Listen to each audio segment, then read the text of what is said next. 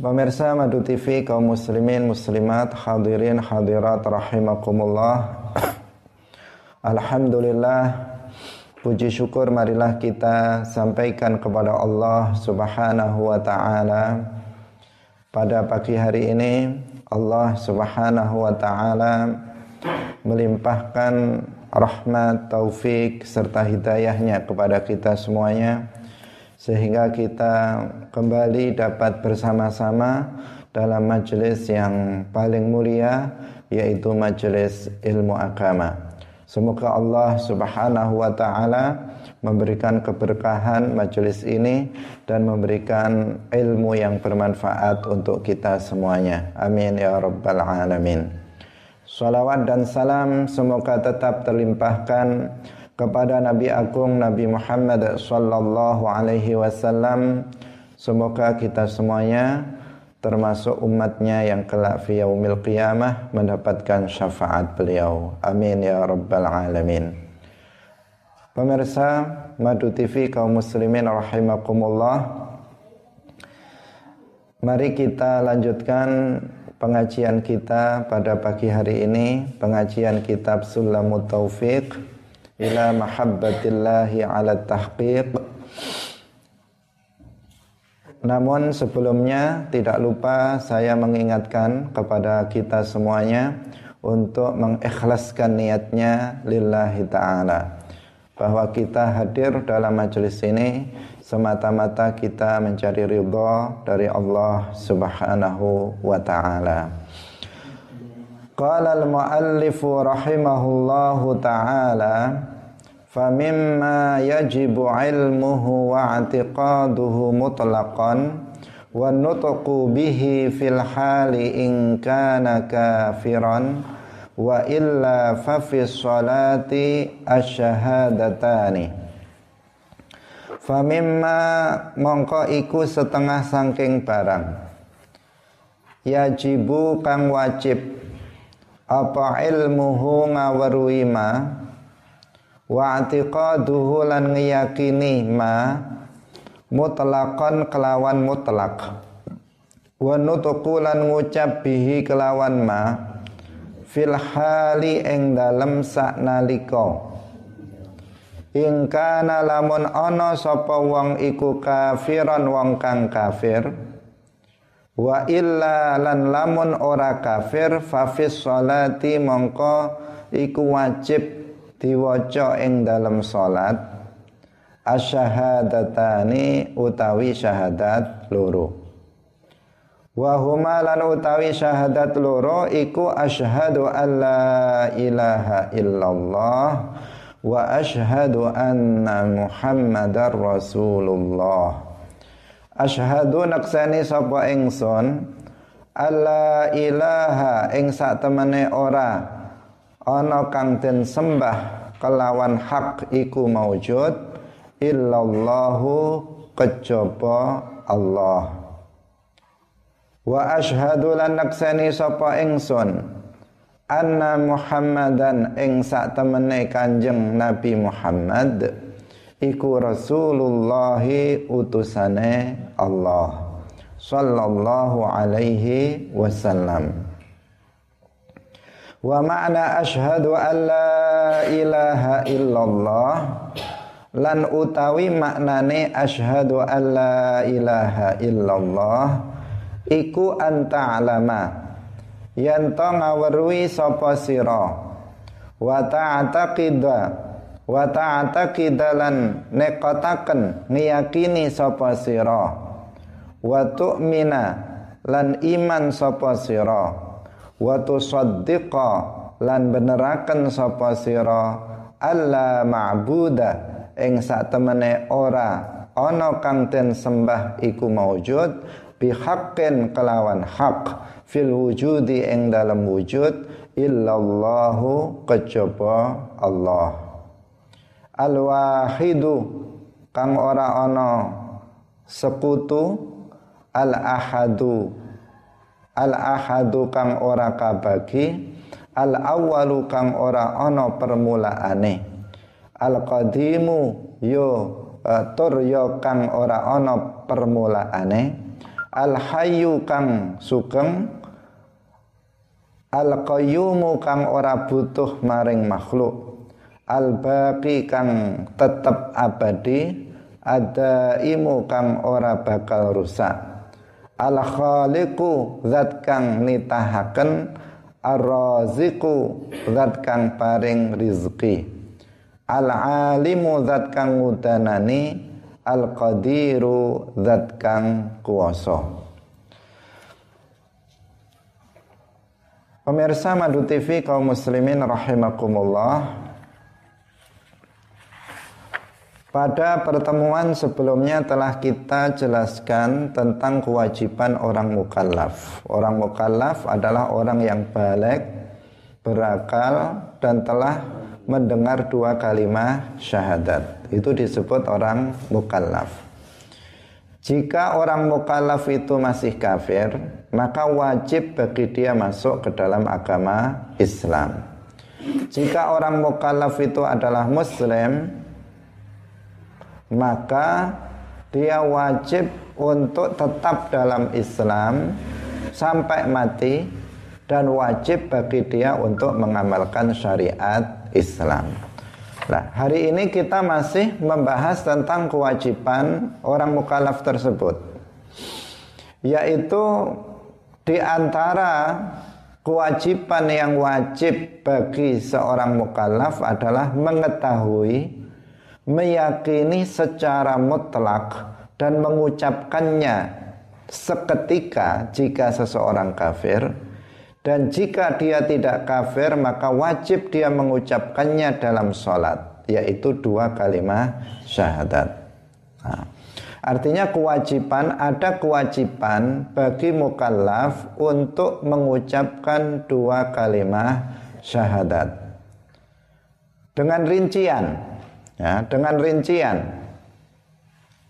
Apabila seseorang itu adalah orang yang kafir maka dia wajib untuk mengucapkan dua kalimat syahadat untuk masuk ke dalam agama Islam. Jika dia orang kafir. Nah, dan dia wajib untuk seketika mengucapkannya untuk masuk ke dalam agama Islam tanpa boleh untuk ditunda-tunda. Jadi wajib bagi mukallaf yang masih kafir untuk mengucapkan dua kalimat syahadat untuk masuk Islam. Nah, seketika tanpa boleh untuk ditunda-tunda. Hmm. Di sini ada poin penting yang perlu untuk kita tekankan bahwa di sini filhal seketika tanpa ditunda-tunda. Karena menunda sebentar saja itu bisa berakibat fatal.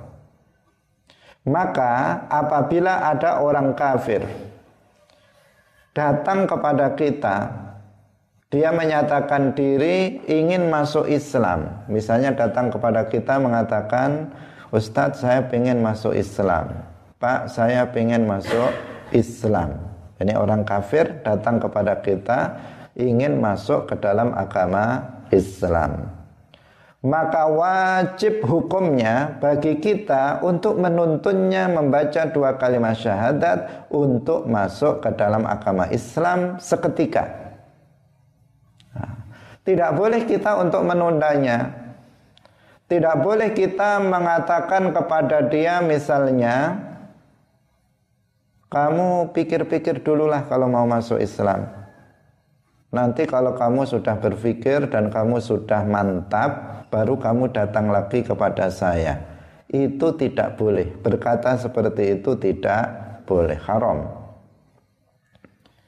Atau seseorang mengatakan misalnya, ini saya punya buku bagus tentang Islam. Kamu baca dululah Nanti kalau kamu sudah bisa memahami tentang Islam dengan betul, baru kamu datang ke sini untuk masuk Islam. Atau seseorang mengatakan misalnya, oh kalau kamu mau masuk Islam, kamu nanti hari Senin datanglah ke kantor KUA sana. kalau kamu mau masuk Islam biar dituntun sama Bapak Kepala KUA untuk masuk Islam. Nah, berkata seperti itu berarti menunda. Menunda seseorang untuk masuk Islam dengan mengucapkan dua kalimat syahadat. Itu tidak boleh. Bahkan bisa dianggap sebagai ridho terhadap kekufuran orang tersebut meskipun dalam waktu sesaat. Padahal kaidahnya mengatakan ar-ridha bil kufri kufrun. Ridha terhadap kekufuran itu hukumnya juga kufur.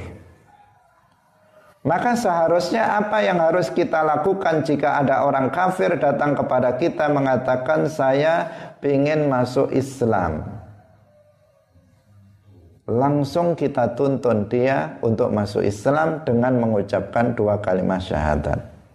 Jadi yang bisa memasukkan orang lain, orang kafir ke dalam agama Islam itu bukan hanya kiai. Itu bukan hanya ustadz. Itu bukan hanya kepala KUA, tetapi kita masing-masing dari orang Islam ini bisa menuntun dia untuk mengucapkan dua kalimat syahadat untuk masuk ke dalam agama Islam. Karena pintu Islam itu cuma mengucapkan dua kalimat syahadat. Dan setiap kita orang Islam itu bisa mengucapkan dua kalimat syahadat. Maka tidak perlu kemudian seseorang memberikannya kepada orang lain yang itu bisa mengulur waktu masuknya dia ke dalam agama Islam. Maka langsung kita katakan kepada dia, ikutilah saya Ashhadu an la ilaha illallah wa ashhadu anna Muhammadar Rasulullah. Bahkan di dalam kitab-kitab para ulama dijelaskan seandainya seseorang sedang berkhutbah Jumat kemudian ada datang orang kafir mengatakan saya mau masuk Islam itu pun khatib harus menghentikan khutbahnya dan menuntun orang itu untuk masuk ke dalam agama Islam mengucapkan dua kalimat syahadat. Padahal apa? Sedang khutbah. Khutbah harus dihentikan, kemudian dia menuntun orang itu untuk masuk ke dalam agama Islam. Ini menunjukkan apa? Pentingnya masuk ke dalam agama Islam menunjukkan pentingnya seseorang itu menjadi seorang muslim. Seperti yang kita terangkan kemarin, dengan seseorang beragama Islam kemudian mati dalam keadaan Islam, maka dia akan masuk surga. Karena itu jangan sampai seseorang menundanya. Kalau seandainya seseorang mengatakan, kamu kalau mau masuk Islam, kamu pikir-pikir dulu satu malam. Besok datang lagi. Ternyata malam itu dia tidur nggak bangun lagi. Belum sempat masuk ke dalam Islam. Artinya apa? Mati apa? Mati kafir. Padahal tidak ada yang lebih berharga daripada Islam. Kalau seandainya seseorang mengatakan kamu kalau mau masuk Islam, kamu pergilah ke kantor KUA. Kemudian dia pergi ke kantor KUA di tengah jalan tabrakan kecelakaan mati. Belum sempat mengucapkan dua kalimat syahadat masuk Islam. Mati apa? Mati kafir.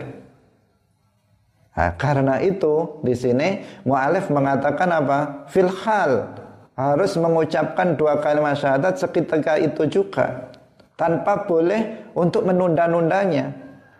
Karena Islam adalah kunci keselamatan bagi seseorang. Kaum muslimin pemirsa yang dirahmati oleh Allah Subhanahu wa taala.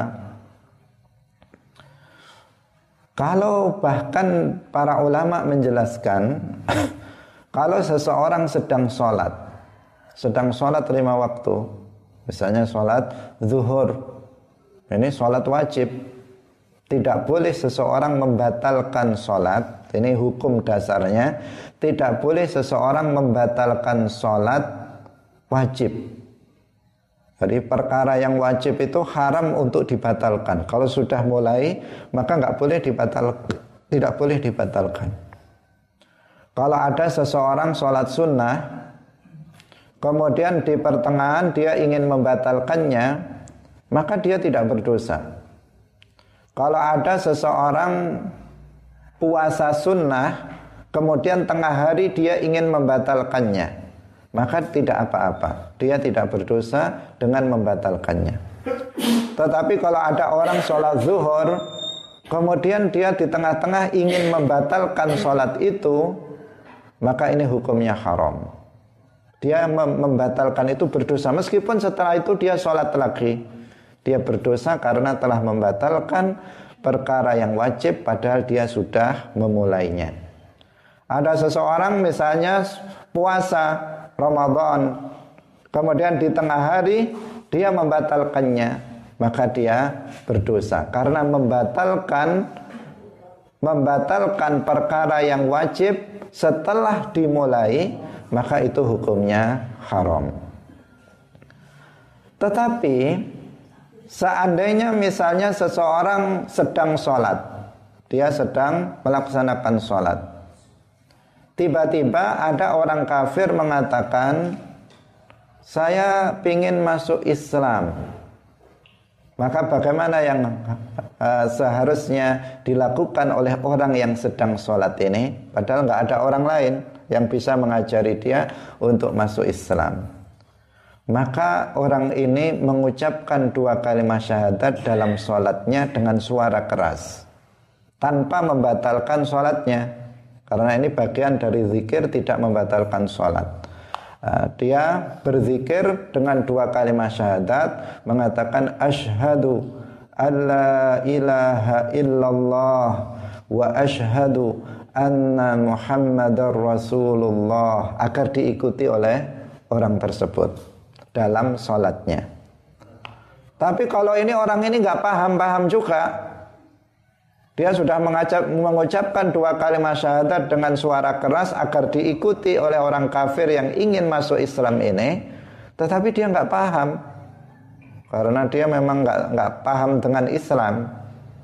Maka dia membatalkan sholatnya, kemudian mengajari dia masuk ke dalam agama Islam. Jadi tidak boleh seseorang menunda-nunda orang lain untuk masuk Islam.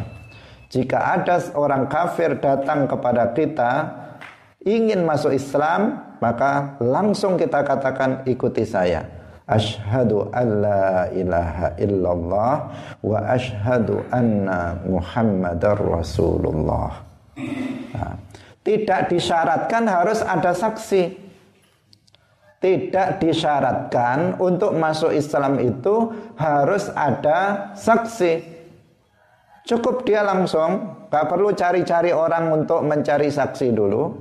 Nah, cukup dia untuk berdua langsung diajarkan untuk membaca dua kalimat syahadat. Nah, saksi memang diperlukan, tetapi bukan syarat untuk sahnya masuk ke dalam agama Islam. Maka saksi itu diperlukan setelah itu setelah dia masuk ke dalam agama Islam, kemudian dipanggil orang lain, kemudian diadakan selamatan misalnya, atau kemudian pada hari Jumat dia disuruh ke masjid, kemudian diumumkan Bapak Ibu sekalian si fulan telah masuk ke dalam agama Islam. Nah, itu perlu, itu diperlukan. Kenapa? Agar masyarakat tahu bahwa dia sudah menjadi muslim.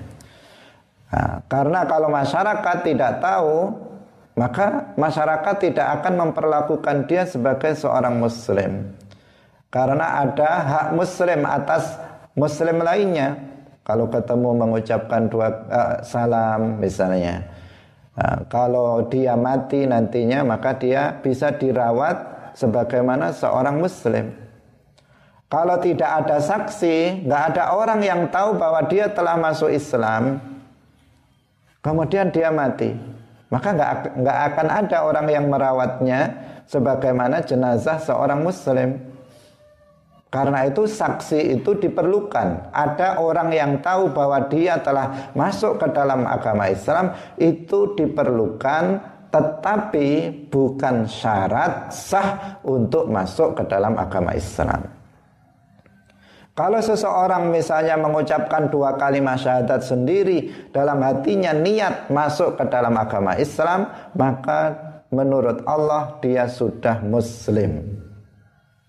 Menurut Allah dia sudah menjadi seorang muslim meskipun di mata masyarakat dia belum muslim karena apa? Karena masyarakat belum tahu bahwa dia telah mengucapkan dua kalimat syahadat. Nah, Kaum muslimin pemirsa Madu TV yang dirahmati oleh Allah Subhanahu wa taala. Ini penting untuk diperhatikan. Karena banyak sekali di antara kita yang nggak memahami. Sehingga ketika ada seseorang mau masuk Islam, dia menunda-nundanya. Dia menunda-nundanya. Mengatakan kamu datang saja ke si fulan, ke kiai fulan, ke KUA. Kamu uh, apa namanya pikir-pikir dulu. Ini saya beri buku, pelajari dulu buku tentang Islam dan seterusnya. Banyak orang yang melakukan seperti itu. Padahal itu termasuk apa? Menunda-nunda Islamnya seseorang. Bagaimana jika di waktu yang dia menunda itu dia kemudian mati? Maka dia akan mati dalam keadaan kafir. Wal'iyadzubillah. Kaum muslimin pemirsa Madu TV yang dirahmati oleh Allah Subhanahu wa taala. Kemudian membaca dua kalimat syahadat ini boleh dengan lafaz yang umum yaitu dengan mengucapkan asyhadu alla ilaha illallah wa asyhadu anna Muhammadar Rasulullah. Boleh dengan lafat itu. Juga boleh dengan menggunakan lafat itu tanpa menggunakan asyhadu. Jadi dua kalimat syahadat tidak harus di diikutkan lafat asyhadu. Misalnya dia masuk Islam mengatakan la ilaha illallah Muhammadur Rasulullah. Itu juga boleh. Tetapi para ulama mengatakan menggunakan lafat asyhadu itu lebih utama daripada tidak. Jadi membaca dua kalimat syahadat dengan menggunakan kata asyhadu alla ilaha illallah wa asyhadu anna muhammadar rasulullah itu lebih utama dibandingkan dengan hanya mengatakan la ilaha illallah Muhammadur Rasulullah. Kenapa? Karena lafat asyhadu dalam bahasa Arab itu mengandung tiga makna sekaligus. Jadi sekali kita mengucapkan satu kata asyhadu, maka maknanya tiga sekaligus. Asyhadu artinya a'lamu, saya mengetahui. Wa a'taqidu, saya meyakini. Wa a'tarifu dan saya mengakui dengan lisan bahwasanya tidak ada yang disembah dengan hak kecuali hanya Allah dan bahwasanya Muhammad adalah utusan Allah. Jadi di situ langsung ada tiga makna. A'lamu saya mengetahui, A'taqidu saya meyakini wa a'tarifu dan saya mengakui. Langsung mengandung tiga makna itu. Karena itulah maka mengucapkan dua kalimat syahadat dengan menggunakan lafat asyhadu itu lebih utama dibandingkan tidak menggunakan lafat asyhadu langsung mengatakan la ilaha illallah Muhammadur Rasulullah. Tetapi seandainya seseorang mengucapkan dua kalimat syahadat tanpa menggunakan lafat asyhadu, maka itu boleh dan sah jika seseorang masuk Islam dengan menggunakan lafat itu. Jadi masuk Islam langsung dia mengatakan la ilaha illallah Muhammadur Rasulullah. Sudah sah. Atau bahkan juga mencukupi seseorang dalam mengucapkan dua kalimat syahadat dengan lafat yang memiliki makna sama dengan dua kalimat syahadat. Jadi dengan menggunakan lafat lain yang semakna dengan dua kalimat syahadat. Misalnya la ilaha illallah diganti la khaliqa illallah. La ilaha illallah diganti la rabba illallah. Itu boleh. Misalnya seseorang mengatakan Ashhadu alla khaliqa illallah wa anna muhammadan rasulullah. Misalnya bisa. Atau langsung tanpa asyhadu seseorang mengatakan la khaliqa illallah muhammadur rasulullah. La rabba illallah muhammadun rasulullah. Itu boleh. Nah, mengucapkan dua kalimat syahadat itu boleh dan mencukupi Ah, seandainya seseorang masuk Islam dengan mengucapkan lafaz itu maka boleh. Kenapa? Karena maknanya sama. La ilaha illallah dengan la khaliqa illallah itu maknanya sama. La ilaha illallah dengan la rabba illallah itu maknanya sama. Maka boleh dengan lafaz ini juga boleh dengan lafaz yang lain yang tadi kita sebutkan la khaliqa illallah atau la rabba illallah. Kaum muslimin pemirsa yang dirahmati oleh Allah Subhanahu wa taala.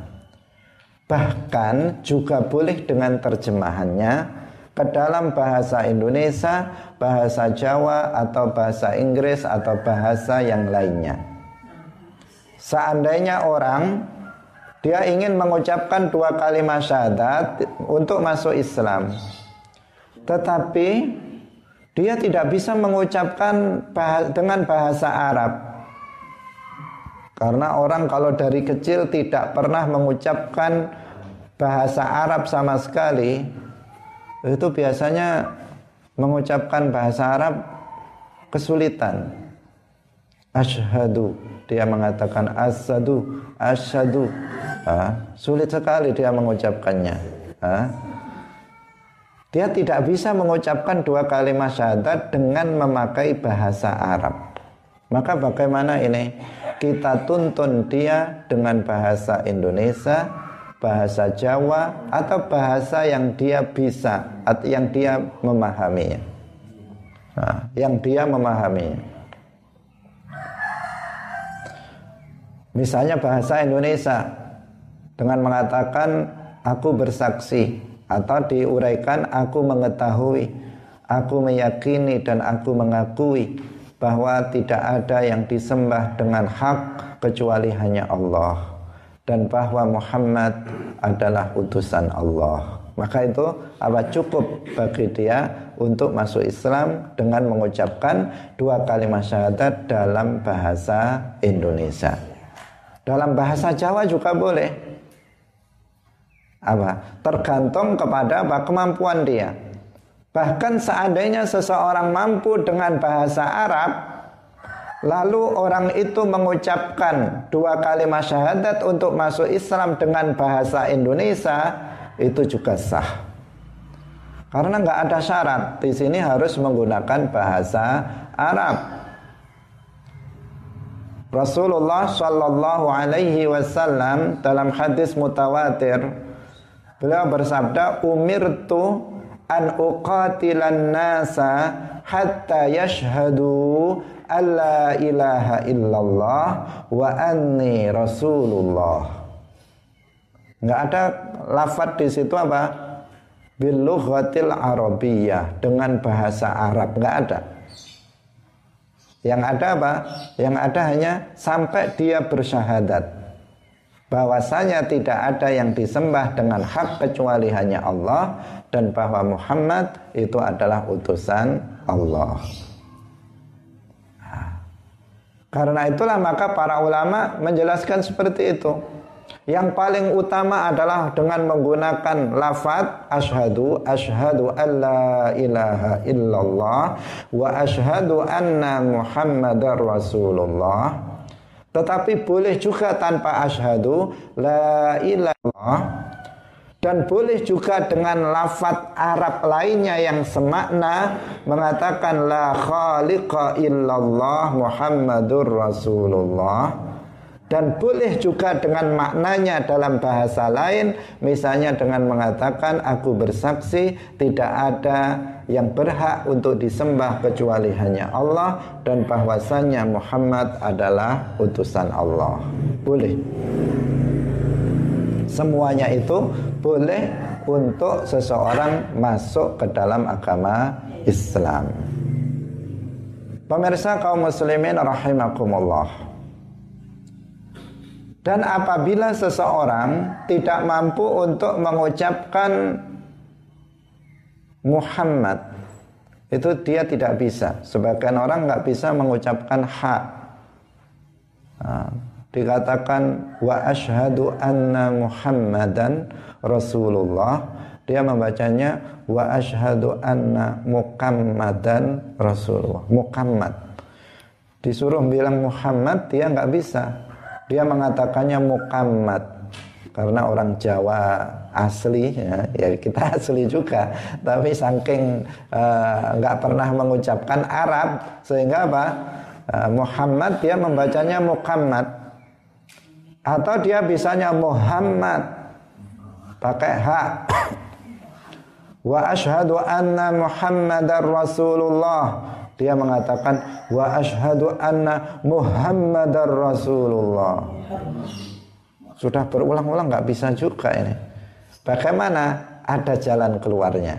Jalan keluarnya diganti dengan kunyah dari Nabi Muhammad yaitu Abul Qasim.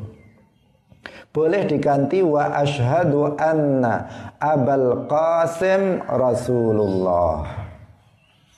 Karena Abul Qasim itu adalah kunyah dari Rasulullah. Ketika disebut Abul Qasim, maka yang disebut adalah Rasulullah. Karena salah satu putra Rasulullah itu namanya Qasim. Nah, sehingga beliau dikunyai dengan gelar Abul Qasim, bapaknya Qasim. Nah, maka boleh lafat Muhammad diganti dengan Abul Qasim uh, Rasulullah Ah, ketika seseorang tidak mampu untuk mengucapkan hak dalam lafaz Muhammad. Ah, kenapa? Karena nama Nabi kita itu Muhammad, bukan Muhammad, bukan Muhammad, tetapi Muhammad dengan hak. Karena dalam bahasa Arab salah mengucapkan uh, makhraj itu sudah merubah makna bisa merubah makna, bisa menjadikan lafat itu tidak memiliki makna. Karena itulah maka pengucapannya juga harus benar. Nama Nabi kita Muhammad bukan Muhammad, bukan Muhammad. Karena itu harus diucapkan dengan benar. Kalau tidak bisa, maka bisa diganti dengan Abul Qasim. Wa ashhadu anna Abul Qasim Rasulullah. Kaum muslimin pemirsa yang dirahmati oleh Allah Subhanahu wa taala. Ini bagi orang yang kafir. Wajib dia mengucapkan dua kalimat syahadat untuk masuk ke dalam agama Islam. Nah, sedangkan bagi orang yang muslim maka dia wajib juga mengucapkan dua kalimat syahadat tetapi bukan untuk masuk Islam. Wajibnya dia mengucapkan dua kalimat syahadat itu fis sholah wa illa apabila dia bukan orang kafir fa fis sholati maka dia wajib mengucapkan dua kalimat syahadat di dalam sholat. Karena dalam mazhab syafi'i Salah satu rukun sholat itu mengucapkan dua, uh, mengucapkan tasyahud akhir. Tasyahud akhir itu adalah apa? Rukun sholat.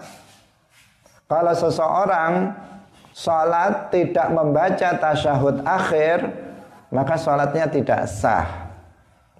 At-tahiyyatul mubarakatus salawatu tayyibatu Akhirnya apa yang paling akhir? Ashhadu an la ilaha illallah wa ashhadu anna Muhammadar Rasulullah. Nah, ini adalah lafaz tasyahud akhir. Maka wajib bagi seorang muslim untuk mengucapkan dua kalimat syahadat setiap kali sholat. Kalau tasyahud awal Sebenarnya kalau dalam kitab-kitab fikih lafaz tasyahud awal dan tasyahud akhir itu sama, nggak ada bedanya. Bedanya cuman tasyahud awal itu dibaca ketika duduk tasyahud awal. Tasyahud akhir dibaca ketika duduk untuk tasyahud akhir. Jadi lafadznya sama yaitu saat tahiyatul mubarakatus salawatu thayyibatu lillah sampai asyhadu alla ilaha illallah wa asyhadu anna muhammadar rasulullah. Adapun setelah itu itu rukun tersendiri yaitu membaca salawat. Itu rukun salat tersendiri selain tasyahud. Nah, setelah membaca tasawuf akhir kemudian membaca salawat Allahumma sholli ala sayyidina Muhammad yang lebih utama yaitu salawat Ibrahimiyah. Nah, yang wa ala ali uh, itu wa ala ali Ibrahim Allahumma sholli ala Muhammad kama sholaita ala sayyidina Ibrahim wa ala ali sayyidina Ibrahim dan seterusnya itu namanya salawat Ibrahimiyah itu rukun tersendiri setelah membaca dua kalimat eh, setelah membaca tasyahud akhir. Pemirsa yang dirahmati oleh Allah Subhanahu wa taala. Jadi orang Islam wajib mengucapkan dua kalimat syahadat kapan? Setiap kali melaksanakan sholat dalam madhab syafi'i. Nah, berbeda dalam madhab maliki. Dalam mazhab Maliki Menurut mereka orang Islam itu wajib mengucapkan dua kalimat syahadat satu kali seumur hidup. Jadi meskipun seseorang itu sudah muslim, maka dia wajib begitu seseorang itu balik untuk mengucapkan dua kalimat syahadat di luar sholat satu kali seumur hidup bukan untuk masuk Islam tetapi untuk menjalankan kewajiban. Jadi karena wajib satu kali seumur hidup minimal itu wajib menurut mazhab Maliki. Karena itu begitu seseorang balik dia mengatakan asyhadu alla ilaha illallah wa asyhadu anna muhammadar rasulullah sebagai apa? Ah, sebagai untuk menjalankan kewajiban. Kenapa para ulama mazhab Maliki itu mewajibkan seorang muslim mengucapkan dua kalimat syahadat di luar sholat karena mereka tidak mewajibkan membaca tasyahud akhir dalam sholat. Jadi dalam mazhab Maliki apabila seseorang bangun dari sujud yang kedua duduk kemudian dia diam. Sebentar. Kemudian dia membaca salam. Assalamualaikum assalamualaikum. Tanpa membaca tasyahud akhir dalam madhab syafi'i itu hukumnya sah. Eh, dalam madhab apa? Maliki itu hukumnya sah sholatnya. Tapi kalau dalam madhab syafi'i nggak sah. Karena apa? Membaca dua membaca tasyahud akhir itu adalah rukun salat yang salat tidak sah tanpa membaca tasyahud akhir dalam mazhab Syafi'i.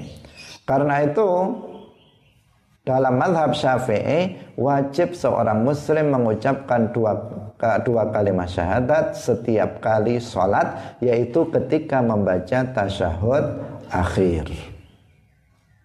Pemirsa yang dirahmati oleh Allah Subhanahu wa taala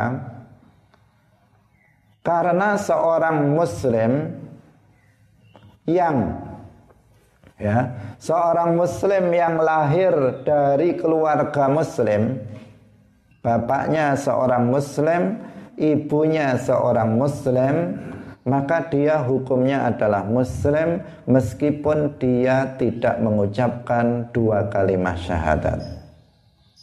Jadi ada seseorang bapaknya Islam, orang Islam, ibunya orang Islam. Maka otomatis anaknya ini jadi orang Islam. Meskipun sampai mati anak ini nggak pernah mengucapkan dua kalimat syahadat, hukumnya dia tetap orang Islam selama dia tidak melakukan kekufuran. Selama dia tidak meyakini keyakinan yang mem bisa membatalkan Islam, maka dia hukumnya tetap muslim. Nah, jadi kaidahnya adalah anak orang Islam adalah Islam. Meskipun tidak perlu dia masuk ke dalam agama Islam. Kenapa? Karena dia sudah di dalam Islam, dia sudah beragama Islam yang yang apa namanya wajib untuk masuk ke dalam agama Islam adalah orang yang masih kafir. Bapaknya kafir, ibunya kafir, maka anaknya kafir. Maka ketika dia sudah mukallaf, ketika dia sudah balik, wajib untuk masuk ke dalam agama Islam. Nah, pemirsa yang dirahmati oleh Allah Subhanahu wa taala. Nah, jadi walau lam yantiq bisyahadatain maka dia fahuwa muslim. Itu yang siapa? Yang lahir dari keluarga uh, muslim, orang Islam. Tetapi kalau seseorang mau mengucapkan dua kalimat syahadat, apakah boleh? Ya sangat boleh sebagai zikir. Jadi kita memperbanyak membaca la ilaha illallah Muhammadur Rasulullah. Itu sebagai zikir. Boleh. Bahkan afdalu zikri la ilaha illallah. Zikir yang paling utama adalah la ilaha illallah bukan untuk masuk Islam juga bukan sebagai kewajiban tetapi sebagai perkara yang sunnah yang dianjurkan yaitu zikrullah berzikir kepada Allah Subhanahu wa taala. Jadi kita boleh berkali-kali membaca asyhadu alla ilaha illallah wa asyhadu anna muhammadar rasulullah. Tapi ingat, bukan untuk masuk Islam. Dan juga bukan dalam rangka menjalankan kewajiban, tetapi dalam rangka zikrullah yang itu dianjurkan di dalam Islam. Pemirsa yang dirahmati oleh Allah Subhanahu wa taala, kemudian kewajiban yang lain terhadap dua kalimat syahadat ini bukan hanya mengucapkannya, tetapi sebelumnya juga harus mengetahui maknanya dan meyakini maknanya. Karena jika ada seseorang mengucapkan dua kalimat syahadat tetapi dia tidak meyakini makna dua kalimat syahadat maka dia bukan orang Islam. Maka dia bukan orang Islam. Kenapa? Karena dia menentang makna dua kalimat syahadat. Seseorang misalnya lisannya mengatakan asyhadu alla ilaha illallah. Tapi dia meyakini ada yang disembah dengan hak selain Allah. Tetapi dia beribadah kepada selain Allah. Dia mengucapkan lisannya asyhadu alla ilaha illallah, tapi dia meyakini ada pencipta selain Allah. Maka ini berarti apa? Enggak sama antara lisan dengan hatinya. Lisannya mengatakan tidak ada pencipta selain Allah, hatinya mengatakan ada pencipta selain Allah. Nah, maka di sini apa? Di sini selain wajib untuk mengucapkannya, eh, dia juga harus telah mengetahui maknanya dan memahami eh, mengetahui maknanya dan meyakini makna dua kalimat syahadat tersebut. Karena itulah tadi kita katakan menggunakan lafat asyhadu itu lebih utama.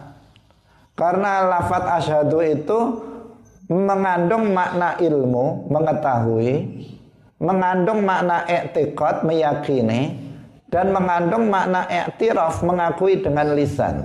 Tiga-tiganya sudah terkandung dalam lafat itu. Yang ketiga-tiganya itu merupakan syarat untuk seseorang dikatakan muslim yaitu apa? Yang pertama dia harus mengetahui makna dua kalimat syahadat. Yang kedua dia harus meyakini makna dua kalimat syahadat. Dan yang ketiga dia harus mengakui dengan lisan makna dua kalimat syahadat. Ini merupakan apa? Ketentuan kalau ada seseorang tidak mengetahui makna dua kalimat syahadat, tidak tahu maknanya la ilaha illallah Muhammadur Rasulullah, maka pasti dia juga tidak meyakininya. Karena apa yang dimaksud dengan meyakini? Meyakini itu artinya adalah ridho dengan apa yang dia ketahui. Jadi saya tahu, kemudian saya ridho dengan apa yang saya tahu, itu namanya etikot, meyakini. Kalau seseorang itu tidak tahu bahwasanya la ilaha illallah, bahwasanya tidak ada yang berhak disembah selain Allah, dia tidak tahu. Maka mana mungkin dia meyakininya? Wong dia saja nggak tahu. Karena meyakini itu artinya apa? Ridho dengan apa yang dia tahu. Jika dia saja tidak tahu maka tidak mungkin akan muncul keyakinan.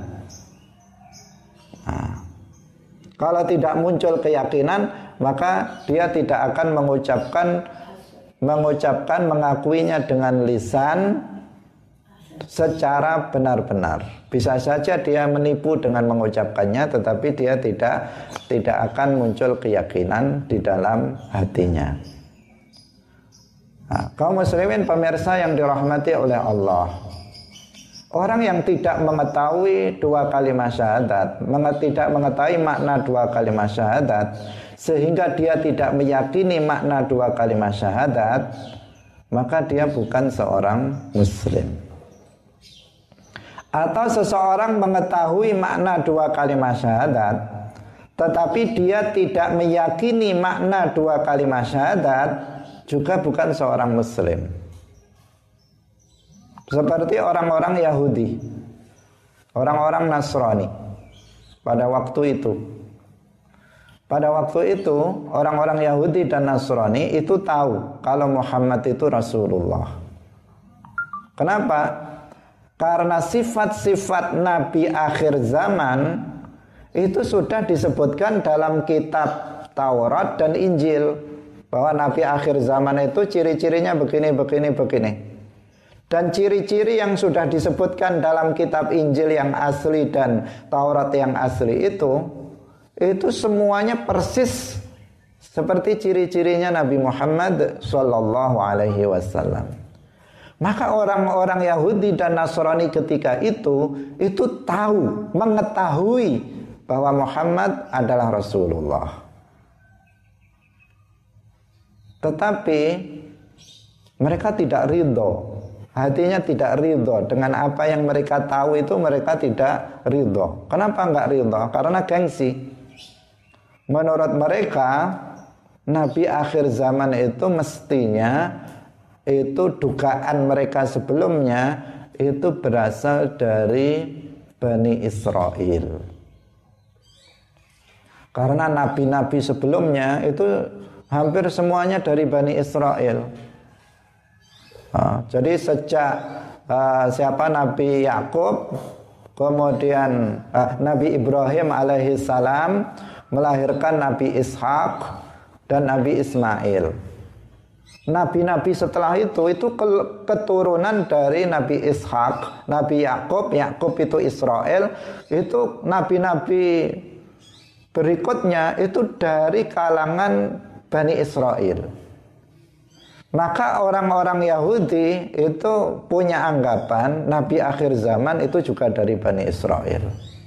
Ternyata begitu lahir keturunan Nabi Ismail, bukan keturunan Nabi Ishak seperti halnya para nabi yang lainnya. Maka di sinilah yang menjadikan berat bagi orang-orang Yahudi untuk membenarkan apa yang dia ketahui. Dia tahu itu nabi karena sifat-sifatnya seperti yang tercantum dalam Taurat dan Injil. Tapi mereka tidak ridho dengan apa yang dia ketahui, maka artinya apa? Dia tahu tetapi tidak meyakini. Maka oh, mereka tetap dikatakan tidak muslim. Karena mereka hanya tahu Allah itu pencipta, dia tahu Muhammad itu Rasulullah, tapi dia tidak ridho, dia tidak meyakininya, maka mereka tetap kafir. Nah, Ya'rifunahu dalam Al-Quran disebutkan tentang mereka Ya'rifunahu kama ya'rifuna abna'ahum. Nah, Orang-orang Yahudi itu mengetahui bahwa Muhammad itu Rasulullah Sebagaimana mereka mengetahui mengenal anak-anak mereka Artinya apa? Mengetahui secara pasti bahwa Muhammad itu Rasulullah Tetapi apa? Hatinya tidak ridho Tidak meyakini Apa namanya? uh, apa yang dia tahu maka mereka tidak menjadi muslim dengan sebab pengetahuannya. Kemudian juga harus mengakuinya dengan lisan, harus mengeta mengakuinya dengan lisan dengan mengucapkan asyhadu alla ilaha illallah wa asyhadu anna muhammadar rasulullah. Harus mengucapkan dua kalimat syahadat. Karena ini pintunya Islam. Tidak cukup dibatin saja, tetapi harus diucapkan. Kalau ada orang dia tahu dia mengetahui la ilaha illallah Muhammadur Rasulullah. Dia juga meyakini la ilaha illallah Muhammadur Rasulullah. Tetapi dia tidak mau mengucapkan dua kalimat syahadat. Ini kita konteksnya kita berbicara orang kafir ya. Bukan orang yang tadi lahir dari bapak ibu yang muslim enggak. Tapi orang kafir dia tahu la ilaha illallah Muhammad Rasulullah. Dia meyakini la ilaha illallah Muhammad Rasulullah, tetapi dia enggak mau mengucapkan dua kalimat syahadat. Maka hukumnya dia tetap kafir seperti Abu Talib paman Rasulullah Abu Talib dia yang apa namanya yang apa memelihara Nabi dari kecil sejak pamannya meninggal maka dirawat oleh Abu Talib sampai dewasa sampai menikah sampai diutus menjadi seorang Nabi Abu Talib tahu bahwa Muhammad Rasulullah Abu Talib tahu Islam itu benar Tahu Abu Talib. Buktinya apa? Buktinya Abu Talib selalu mendukung dakwah Nabi. Kalau dakwah Nabi diganggu, maka Abu Talib yang melindungi dakwahnya Rasulullah Sallallahu Alaihi Wasallam. Artinya Abu Talib itu tahu bahwa Islam itu benar, bahwa Allah itu satu-satunya zat yang berhak disembah. Dia tahu bahwa Muhammad itu Rasulullah. Dia tahu. Tapi apa? Dia nggak mau mengucapkan dua kalimat syahadat. Sampai menjelang ajalnya tiba, Rasulullah datang kepada Abu Talib. Membisikkan di telinganya, wahai pamanku, ucapkanlah dua kalimat syahadat. Meskipun hanya dengan berbisik, kalau nggak mau terang-terangan dilihat orang, uh, ucapkan di telinga saya, nanti akan saya mintakan ampunan untukmu. Tapi Abu Talib melihat di sekitarnya ada Abu Jahal, ada Abu Lahab. Uh, dia apa? Dia gengsi untuk mengucapkan dua kalimat syahadat. Akhirnya apa? Mati dalam keadaan kafir. Ini Abu Talib. Rasulullah sangat ingin Abu Talib itu masuk Islam. Karena apa? Abu Talib yang membela Nabi sangat ingin. Tetapi Allah tidak berkehendak. Hidayah Allah yang menentukan. Sehingga turun ayat innaka lan tahdi man ahbabta walakinallaha yahdi man yasha. Wahai Muhammad, ah, kamu tidak bisa menciptakan hidayah ah, apa pada orang yang kamu inginkan untuk mendapatkan hidayah tetapi Allah menciptakan hidayah di hati orang yang Allah kehendaki. Nah, Nabi Ibrahim alaihissalam ayahnya Azar mati dalam keadaan kafir. Nabi Nuh istrinya dan anaknya yang bernama Kanaan mati dalam keadaan kafir. Kenapa? Nabi itu hanya menyampaikan sementara hidayah itu Allah Subhanahu wa taala yang menciptakannya di hati manusia. Nah, di sini kasus Abu Talib dia tahu, dia meyakini, tetapi dia tidak mau iktiraf, tidak mau mengakuinya dengan lisan dengan mengucapkan dua kalimat syahadat. Maka dia hukumnya mati dalam keadaan kafir.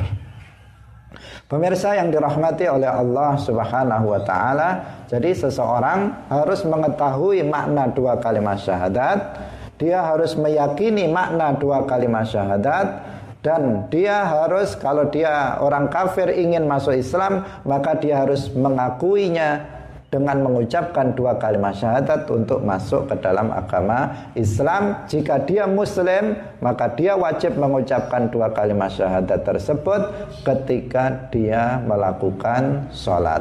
Nah, waktu sudah habis, semoga bermanfaat. Insya Allah besok kita akan membahas tentang makna dua kalimat syahadat.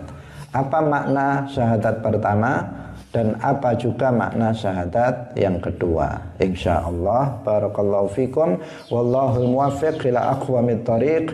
Wassalamualaikum warahmatullahi wabarakatuh.